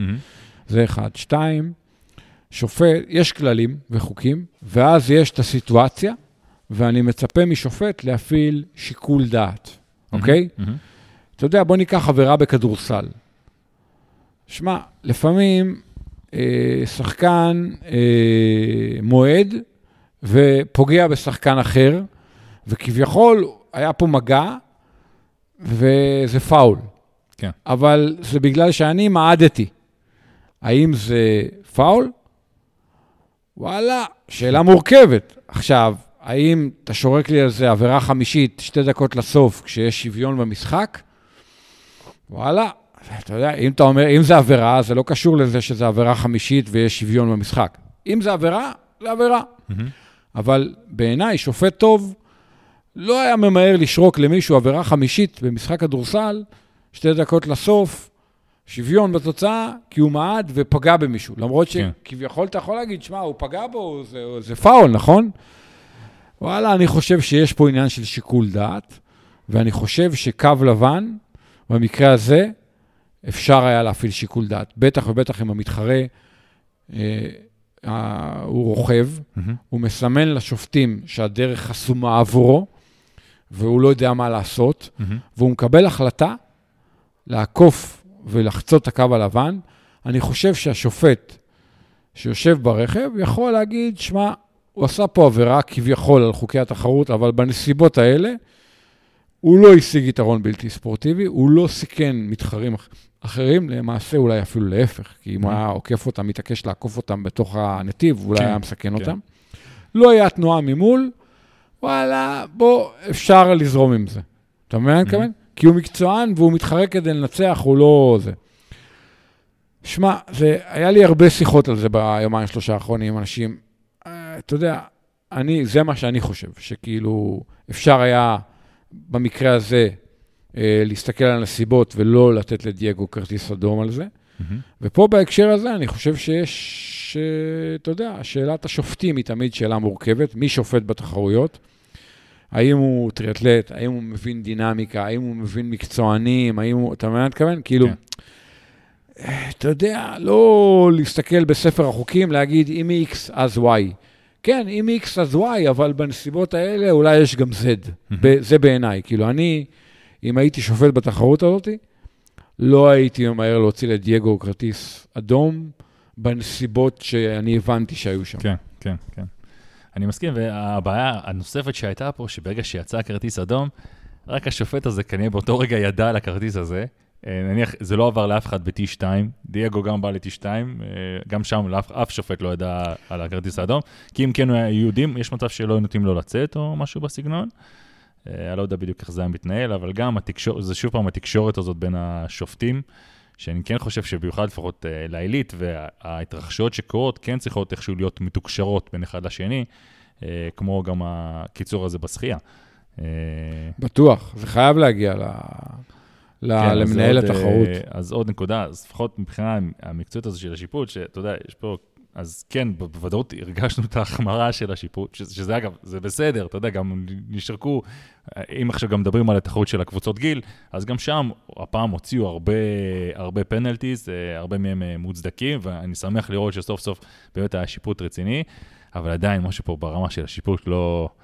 לא, לא, לא מסתדר לי. לא, מבחינתי זה לא, זה לא רמה, שאתה יודע, במיוחד האירועים כאלה, שעכשיו אפשר להגיד, אתה יודע, אנחנו נמשיך לדבר על מה, מה קרה בהמשך, אבל זה הפך, הפך את הכל, אה, וזה באסה, כי בסופו של דבר גם המארגני התחרות, אתה יודע, אה, כאילו בונים את זה שנה שלמה. ובסוף כשזה יסתיים ככה, זה די מבאס. אני אגיד לך מה, אני אגיד, אה, אתן לך דוגמה על איירומן, mm-hmm. מה הייתי רוצה שהם יעשו? שיכשירו 20 שופטים, סגל שיפוט על, mm-hmm. ושהעשרים שופטים האלה יהיו השופטים בכל התחרויות, נגיד האליפויות עולם, חצי ומלא, mm-hmm. והאליפויות האזוריות. אה, נגיד, אתה יודע, European Championship, אה, North American Championship, אה, Middle East Championship, אתה מבין כן? כן. שיהיה סבב, שיהיה סגל של שופטים, שהם באים לכל האליפויות האלה, ואז הם גם מקצוענים, אתה יודע, הם שופטים טובים שעוברים הכשרות וזה, mm-hmm. לא חובבנים ולא מתנדבים ולא זה, ושתיים, זה יהיה שיפוט אחיד, כי זה אותם אנשים, כן, אתה כן, מבין? כן, לא יהיה פעם אחת מכסחים ופעם אחרי זה מעלימים עין, ואתה מבין? נכון, יהיה, נכון. לפחות להתחיל עם, אתה יודע, שיהיה שיפוט אחיד כאילו בתחרויות, וזה מה שצריך לקרות נגיד באיירונמן, אתה יודע, עוד פעם, פה הישראמן זה תחרות פרטית וזה, אבל כי, כי מה שקרה, נגיד, גם בהוואי, הוא, הוא לא טוב, הוא לא סביר, אתה מבין? אם-המ. שגם מתחילים לשלוף כרטיסים, או באליפות העולם בחצי. כן, כן. אתה מבין? כאילו, אני לא חושב שמאגנוס דיטלב ניסה לעשות עבירה, או סם לונג, אבל, אבל הם חטפו פנלטי. נכון. ואני לא יודע מה היה עם אלתרמן, יכול להיות שהוא עשה drafting במקום שבו לא נהוג לו אה, לשפוט drafting. אם-המ. תחנת תזונה, אה, לא יודע, איזה, איזה עלייה, או אני לא יודע מה היה, אתה מבין? אם-המ. ואז שופט צריך להפעיל שיקול דעת, אבל... אבל זה צריך להיות גם אחיד, הדבר הזה. נכון, נכון. אה, זהו, אני פשוט מקווה שמתי תהיה תחרות בקרוב, שלא נצטרך לדבר על העניין הזה של השיפוט. אה, אבל מה שקרה בסופו של דבר, אה, כמו שאמרנו, ביום שישי אלתרמן הוכתר כמנצח הישראמן, ביום שבת קמנו להפתעה, שמסתבר שיש, שהערעור של דייגו ערער כמובן על ההחלטה, הערעור שלו התקבל. בגלל, כמו שאמרת, בגלל דברים שציינת פה, שכביכול אה, לא זיהו אצלו כוונה מסוימת, הוא לא קיבל שום יתרון כביכול תחרותי, והוחלט על שתי מנצחים אה, של הישראמן, שכאן אני לא מצליח להבין את העניין הזה. אתה יודע, אה, אני מניח שכביכול המארגנים רצו לספק את שתי הצדדים, אני, אני לא בטוח שזה סיפק אף אחד בסוף. אגב, צריך גם להגיד שאני חושב ששניהם קיבלו את ה-10,000 שקל, כל אחד. שזה ייאמר לזכות המאמן. כן, שזה מאוד יפה, אבל בסופו של דבר, אם הערעור של דייגו מתקבל, הוא צריך להיות המנצח. ככה אני רואה את זה. אם הוא לא יתקבל, אלתרמן צריך להיות המנצח. אין פה איפשהו באמצע, כי כאילו בעצם מה שאומרים, שכביכול אלתרמן חשב שיש לו אדום, אז אלתרמן יכל, אתה יודע, להוריד את הקצב, שזה נכון, אני, אני מסכים עם זה. אתה יודע, אין פה, אני לא רואה פה נכון, לא נכון, אבל זה מצב מאוד בעייתי. אבל uh, בסוף להחליט על שתי מנצחים, uh, לדעתי זה לא נכון. אני כן יכול להגיד לך שגם משיחות עם דייגו, uh, בזמן עוד אחרי שהוא קיבל את הכרטיס האדום, הוא היה מאוד עצבני. באיזה מקום מסוים אפשר להגיד שמבחינתו נשדד לו כביכול הניצחון, כי הוא לא הוכתר, uh, הוא לא הוכתר, כאילו, ב... אין לו את התמונה הזאת עם הסרט. Uh, אני חושב שגם מבחינתו, מה שהוא בא להשיג כאן, שזה התצוגת בכורה הזאת שלו, הוא לא קיבל אותה. אז אני כבר ישר חושב על, בסופו של דבר הוא בא, הוא מתחרה מחו"ל, הוא בסוף יחזור לחו"ל, ידבר עם חברים שלו, איך שזה מצטער, לפחות אם אני מסתכל על זה פוליטית מלמעלה, זה לא, לא מצטער טוב, כי כביכול הוא יעשה יחסי ציבור לא טובים. אבל אני אגיד לך, אבל גם אם איך שזה נגמר, אני לא רואה איך הוא עושה יחסי ציבור טובים, כי זה לא, לא נגמר טוב, הוא לא קיבל את התוצאה שהוא רצה. אז לא יודע, אני גם מאמין שבסופו של דבר גם יש פה הרבה לחצים אולי פוליטיים כאלה בגלל הנושא הזה.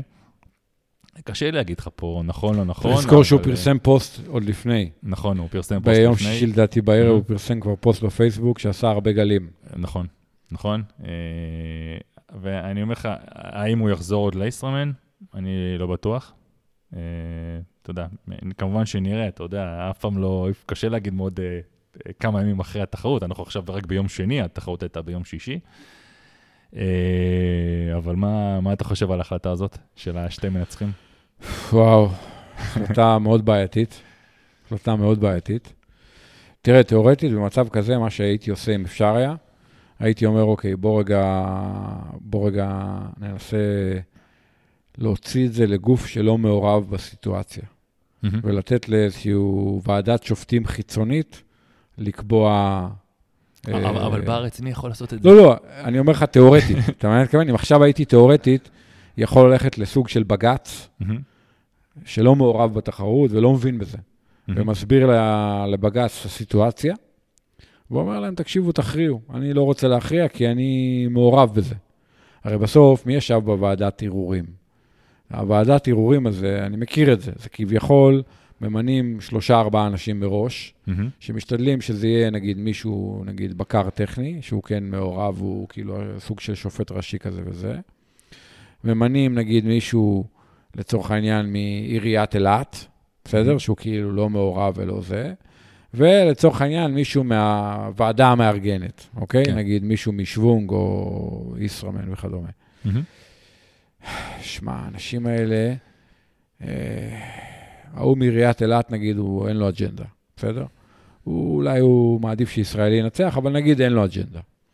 אבל אתה לא יכול לא להגיד על ה... אני לא בטוח, אני לא בטוח שהוא מעדיף. הוא מעדיף, לא משנה. הוא רוצה תיירים. אבל ההוא, הבקר הטכני וההוא משוונג או מהישראמן, לא משנה, זה יכול לקרות גם לאיירומן או לכל תחרות אחרת, אתה יודע. וואו, אתה יודע, הוא מעורב, אתה מבין מה אני מתכוון? תראה, אני אתן לך דוגמה, באפיק ישראל לפני כמה שנים, שלוש שנים לדעתי, היה ברבור של חלק מהמתחרים, וחלק מהמתחרים לא. עכשיו התחילו לחשוב מה עושים. פוסלים את כל מי שטעה, לא פוסלים, מוסיפים להם זמן. כמה מוסיפים להם זמן? לפי מה? לפי סטראבה? לפי... אתה לא יכול לצאת מזה טוב. כל החלטה שלא תקבל, נכון, לא, נכון. היא תהיה גרועה. נכון, נכון. אכלת אותה, נכון. הסתבכת, אתה מבין מה אני עכשיו זה לוז-לוז.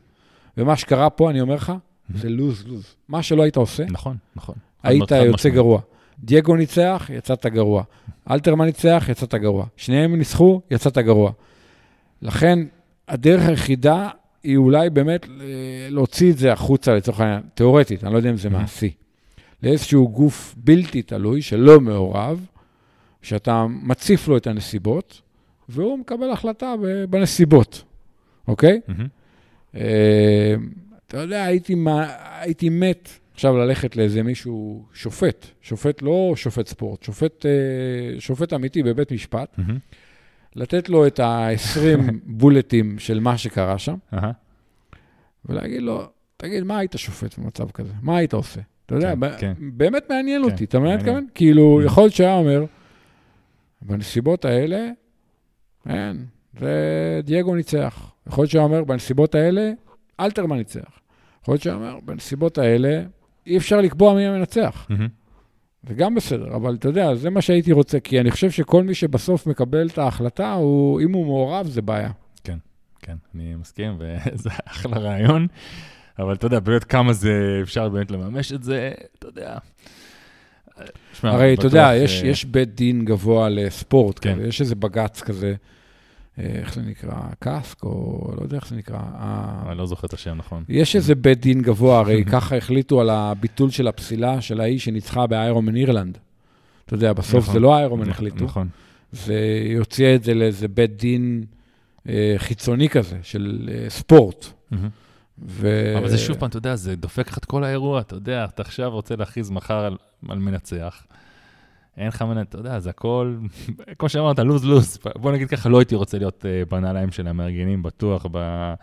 כי באמת, לסיים ככה זה מאכיר את האווירה. אתה יודע, מספיק שתיכנס לפייסבוק, uh, תראה את התגובות של האנשים שם, שבוא נגיד ככה, בלשון המעטה, שלא חיבבו את העניין הזה של השתי מנצחים, שזה היה משהו שהיה... בוא נגיד ככה, לא משנה מה, כמו שאמרת, לא משנה מה הייתה ההחלטה, אה, היו שם תגובות, אה, לא, אתה יודע, לא טובות. once הסתבכת עם הדבר הזה, זהו, אכלת אותו, כן, לא תצא טוב. ואז, ואז מה שמחזיר אותי עוד פעם לתסבוכת, שזה העניין השיפוט. אתה מבין? אם לא היה לנו את העניין השיפוט, כל זה לא היה השיפוט מקצועי, זה לא, לא מתגלגל לזה בכלל. אה, אני מסכים איתך, אני מסכים איתך, אבל בוא לא נשכח לדבר רגע על התחרות של אנשים. כן, נכון, כמובן. אז אה, אה, אנטונינה? טוב, התחרות של אנשים, אפשר לסכם אותה במילה אחת. אנטונינה. אנטונינה? כן. שמע, היא בכמה רמות מעל כן. אה, השאר. קוראים לזה wire to wire. wire to wire. תראה, עוד פעם, הייתה דווקא מישהי צ'כית לא רעה, שווברוס הביא, אבל היא טעתה. היא עשתה פרסה פעם שנייה בסיירים במקום בעובדה. כן. גילינו את זה, האמת, רק בסוף, כאילו, אני הייתי בטוח כל הזמן שהיא שנייה ואירנה שלישית, בסוף אה, היא נפסלה, ואירנה סיימה שנייה, ו- ושיין סיימה אה, שלישית. Mm-hmm. לא הייתה תחרות מעניינת, כי אנטוניה פשוט הובילה כל הדרך, היא מאוד חזקה, היא בכמה רמות הייתה מעל השאר. הצ'כית, עוד פעם, היה נראה שהיא בסדר, אבל היא פשוט, מסתבר שהיא, אתה יודע, רכבה הרבה פחות. כן, גם צריך להגיד, אבל אנטונינה היא אחרי האולטרמן, אני לפחות קיבלתי את התחושה, גם בתחרות שהיא לא, לא התאוששה עדיין לחלוטין מה, מהדבר הזה, והיא כן עשתה קודם כל, צריך להגיד שהיו שם תנאים קשים, לא דיברנו, לא, לא דיברנו פה על הרוח פנים החזקה מאוד שהייתה בדרך חזרה, וגם שהיה יום חם, אה, אבל היא עשתה תחרות שם אה, יותר חלשה עבורה, אה, אבל עדיין לא היה, לא היה לה שום תחרות. בערך מהרגע הראשון עד האחרון, היא הובילה בצורה בטוחה. אבל נדיר שאני רואה את אנטונינה ככה ברגעים האחרונים שם בריצה, בדרך כלל היא נהיית הרבה יותר טוב בריצה, וכאן העייפות הייתה ניכרת. שמע, אה, קרה לה משהו שקורה לכולם. אמרתי את זה לאבי חיים, המאמן שלה. זה נקרא להתבגר, אתה יודע, אין מה לעשות, היא כבר לא, היא כבר לא צעירה יחסית, כאילו. אה, אבי טוען שלא, אבל אתה יודע, אני טוען שבסוף, אה, רוב האנשים אחרי גיל 40 מתחילים לספור את הזמן אחורה, אין מה לעשות, אתה יודע, אתה יכול למשוך 42, 43, בוא, אני לא רואה הרבה אנשים בני 47 שמנצחים תחרויות איש ברזל בעולם, אוקיי? כן, כן. אה, במקרה הטוב הם בסדר, אבל הם לא מנצחים כנראה את התחרות, אתה יודע. כן. לא סתם פרודנו פורש וקינלה פורש, ואתה יודע, בסוף אתה, יש תום בריידי, סבבה, נחמד, סיפור נחמד, אבל גם הוא כבר בסוף. נכון. אז אה, כן, לא היה תחרות מעניינת יותר מדי, היה קרב נחמד בין שיין לבין אה, אירנה. שאירנה ירדה מה, מה, לריצה כמה דקות לפניה, ושיין רצה יותר טוב. אה, בריצה נקייה, והיא סגרה על אירנה כל פעם, ואירנה איכשהו שרדה והגיעה לפניה. אה, בסופו של דבר שתיהן עמדו על הפודיום, וזה היה יפה, שתיהן ספורטאיות אה, טובות. זהו, אתה יודע, לא כן, היה... אני חייב להגיד, כאילו, אני חושב שכן, גם, בסופו של דבר חשוב, אנחנו גם ראינו את זה על הפודיום, וחשוב להגיד ש... בוא נגיד ככה, לפחות האיירומן הורגש מבחינת זה שזה השפיע על המשתתפים פה. אני חושב שכן ראינו שעם כמה שאירוע היה באמת יפה והכול, היה כאן פחות משתתפים אה, מבדרך כלל. אה, גם אה, היה אפשר לראות את זה באיכות של המתחרים, כי הרבה התחרו נניח במלא באיירון מן, ואתה יודע, פשוט זו החלטה סבירה לא לעשות שתי מילים ברצף. אז זה משהו שגם היה ניכר כאן, ואני כן מקווה שימצאו איזשהו גם פתרון לעניין הזה, כי גם מבחינת הישראלים היינו רוצים לראות אותו יותר מלא. גם, אה, אתה יודע, עוד רעיון שאגב, אה, אני יודע שטיסות מחו"ל, אה, מאירופה לאילת עולות איזה 50 יורו, שזה מחירים מצחיקים, אז גם אפשר להביא, אני מניח, בשיווק והכול, יותר אולי מתחרים לכאן, למרות שאתה יודע, קשה לשווק את ישראל עם כל מה, עם כל מה שקורה. כן. אבל אני מאוד אשמח לראות, אה, אתה יודע, את אה, אילת אה, כמו פעם. אתה יודע, אני יודע שגם התחרות, ההרשמה כבר נפתחה גם לשנה הבאה. Uh, אני מניח שעדיין אולי אפשר כן לשחק עם התאריך, אבל שוב פעם, אני לא יודע איך אילת uh, במרץ, אולי, אולי זה באמת חם מדי, אבל...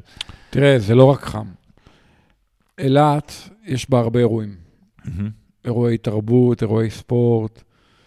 אה, סוף ינואר זה מסתדר טוב לעיריית אילת. אני יודע שפברואר, מרץ, פחות. זה מה שאני אני, אני זוכר את זה בגלל שבשנה שדחו את הישראמן בגלל הקורונה, שניסו לקיים אותו במרץ, ובסוף לא קיבלו אישור לקיים אותו, אם אתה זוכר. כן. אז אני יודע, כי, כי אז היה לי הרבה שיחות עם אשלגי על העניין הזה, שאולי בסוף מרץ זה לא פטנט כזה רע, mm-hmm. בלי קשר לקורונה ולדחייה וזה.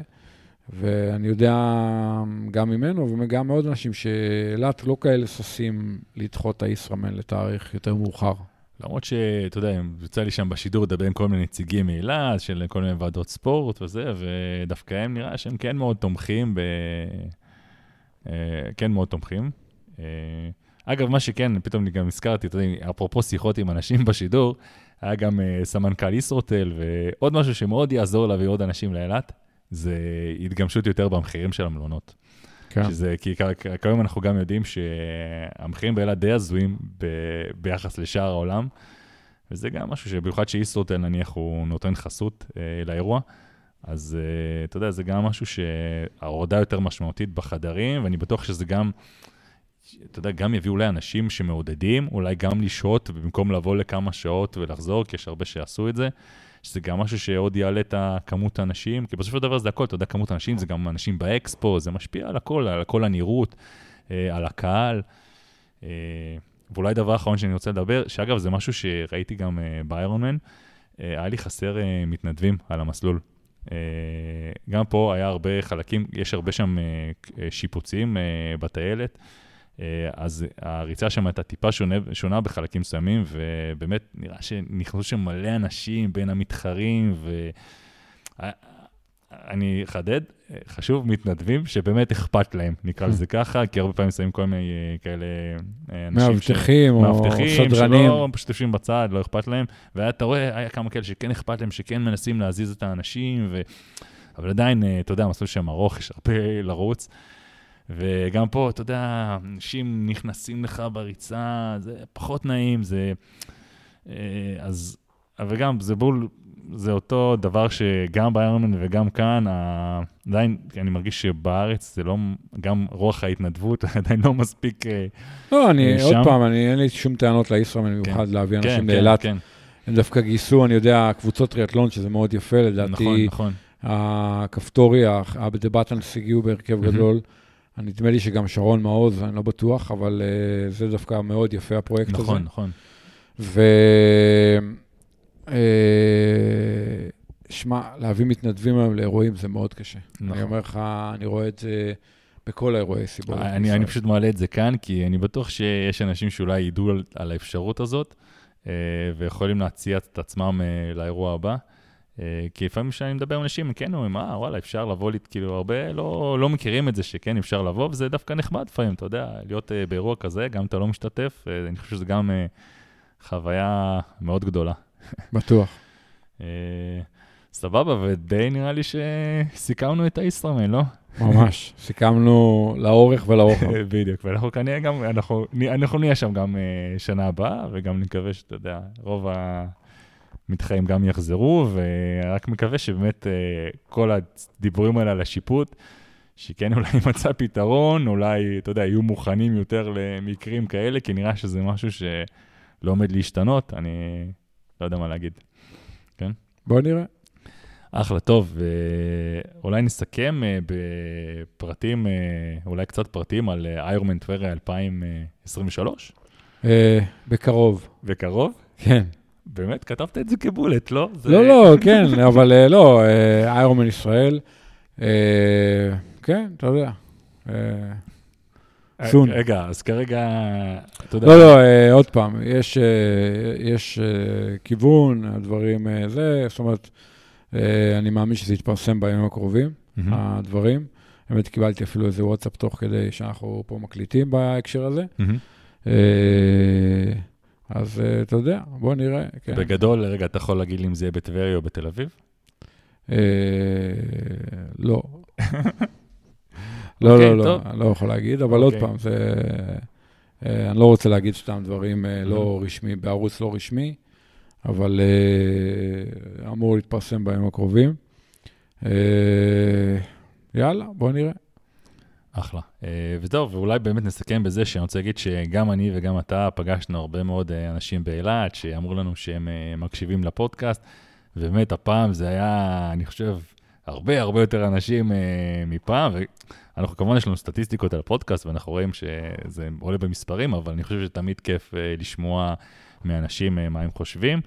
וגם אני חושב שאנחנו גם תמיד שמחים לשמוע פידבקים שלכם, גם תמיד אתם יכולים לשלוח לנו בפייסבוק, בוואטסאפ, בכל... אתם יודעים איפה למצוא אותנו. אז זהו, אנחנו ממשיכים, ואנחנו נמשיך ונמשיך לסקר את התחרויות, וזהו, מקווה שאתם תמשיכו ליהנות. רצים בתוך שדה המוקשים בהצלחה. בדיוק, בתקווה.